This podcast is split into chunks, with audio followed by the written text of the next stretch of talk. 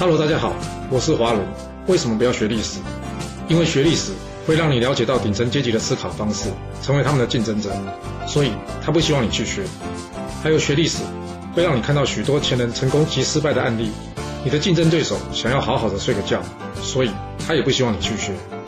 最重要的是，学历史会让你了解人性，你的老板以及同事都希望你保持天真的心，所以他们更不希望你去学。就是因为这些原因，接下来我要跟你说的是故事，而不是历史。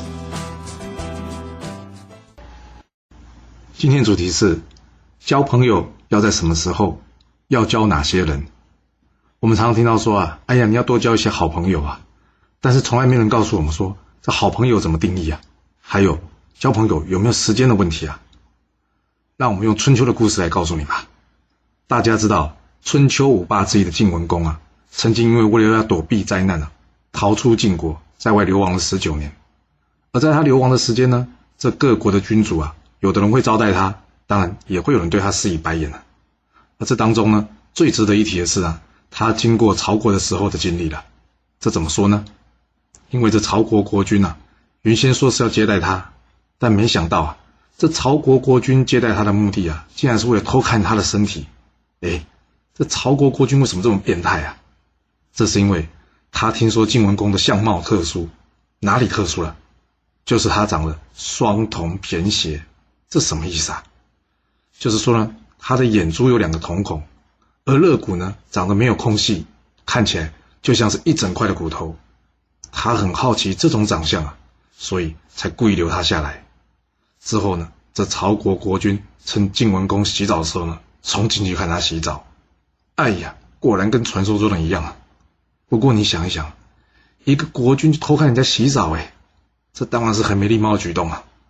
而当时呢，曹国有一个大臣呢，叫做西父姬，他知道自己国君呢干了这种没礼貌的事呢，回去跟他老婆抱怨。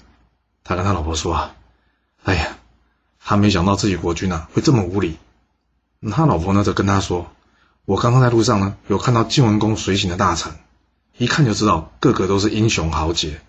所谓物以类聚啊，他的大臣要是这么厉害的话，晋文公一定也不是个简单的人。所以他建议西夫姬啊，应该要趁他们在曹国的时候呢，去跟他做朋友。西夫姬一想，也对，一来他很敬重这样的人，二来，他相信这晋文公将来若是有机会啊，必定会是个贤明的君主。与其等他飞黄腾达再来攀龙附凤。还不如趁他失意的时候呢，礼贤下士对待他。那交朋友呢，最好就是在他落魄的时候，因为这样的交朋友啊，比较没有利益上的考量问题。所以呢，他特地前来向晋文公道歉，并且好好招待晋文公。最后呢，还送了他一些财物。这晋文公一路过来啊，除了少数几个贤明的君主呢，会对他以礼相待以外，很少有大臣会对他这么好。而这晋文公也知道呢。西腹肌这个做法呢，算是违反自己国君的意思了。他违反国君的意思呢，去招待他，所以他觉得这个人怎么样，特别够义气。但晋文公将来一定会当上国君吗？在当时没有人敢确定啊。不过也就因为这样不确定，所以西腹肌的举动呢，就变成不完全是从利益的考量出发了。而也正因为这样呢，这晋文公心理上怎么样，特别感谢他。后来晋文公真的。成功的怎么样？到了晋国，成为国君了。所以有仇不报非君子嘛。他即位之后怎样？找机会出兵攻打曹国。而当时曹国有许多大臣啊，都被晋文公给处决了。唯独这西父姬呢，受到他的尊重。虽然这故事到最后啊，有些让人意想不到的发展呢，就是这西父姬坏意外死掉了。但这西父姬五岁的儿子呢，最后还是被晋文公任命为大夫。也就是封赏官位的意思啊，作为晋文公对西夫妻招待之恩的报答。我在这呢，不是要你觉得帮助人家会有好报啊，而是要让你知道，交朋友最好在什么时候，就是在没有利害关系的时候。不知道大家有没有听说过一句话哦，就是我们大多数的人呢，一生中的好朋友呢，多半是在高中的时候的同学。那你有没有想过这为什么？因为那时候我们的思考相对比较成熟，而且。同学之间彼此还没有多少厉害的关系，那至于大学同学或是进入社会以后的同事，难道就不能成为好朋友吗？当然也可以啦。任何时候都有可能可以成为你的好朋友。只不过因为大学的时候呢，同学所学的科系都跟你一样，而进入社会就业之后，难免就会处在一个竞争的状态。所以大家常常说，大学同学呢，通常对你的工作会有所注意，不过比较难成为知心的好友。这就是因为怎样存在了这层竞争的关系，彼此之间比较难谈心了。了解了这一层原因之后，你就可以知道我们今天主题的前半部答案：交朋友在什么时候了？很多人交朋友啊，是因为工作上的需要，或是讲白一点，就是利益啊。严格来说呢，比较类似互相利用。或许你会说，一出社会跟人交往很难不带利益耶。没有错。若真想要交到好朋友的话呢，前面的说明你可以参考一下，那就是要在不带有利益的时候与对方交往。那要与哪些人结交成为好朋友呢？简单的一个道理，物以类聚，人以群分啊。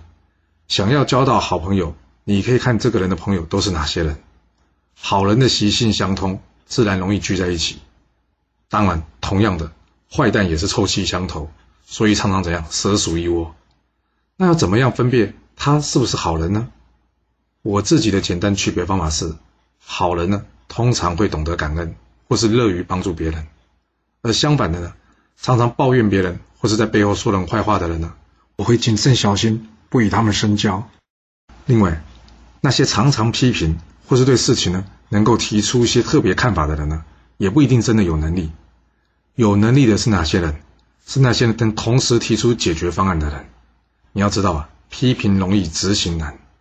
若是你的朋友，他敢惹怒你，向你提出建议，而事后证明呢他的建议是对的，这一次两次之后，你就应该要知道，其实这样的人是值得交往的。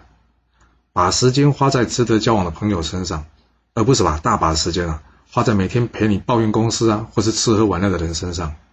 要是有个人，他虽然目前际遇不佳，但是你看，与他交往的朋友呢，能力都不差，又或者是他的品性很好，那千万不要因为人家一时落魄而轻视人家了，反而呢，应该利用这个时候，好好的对待这样的人，并对他表示友好，因为交友是看长远的，利益才是看意思的。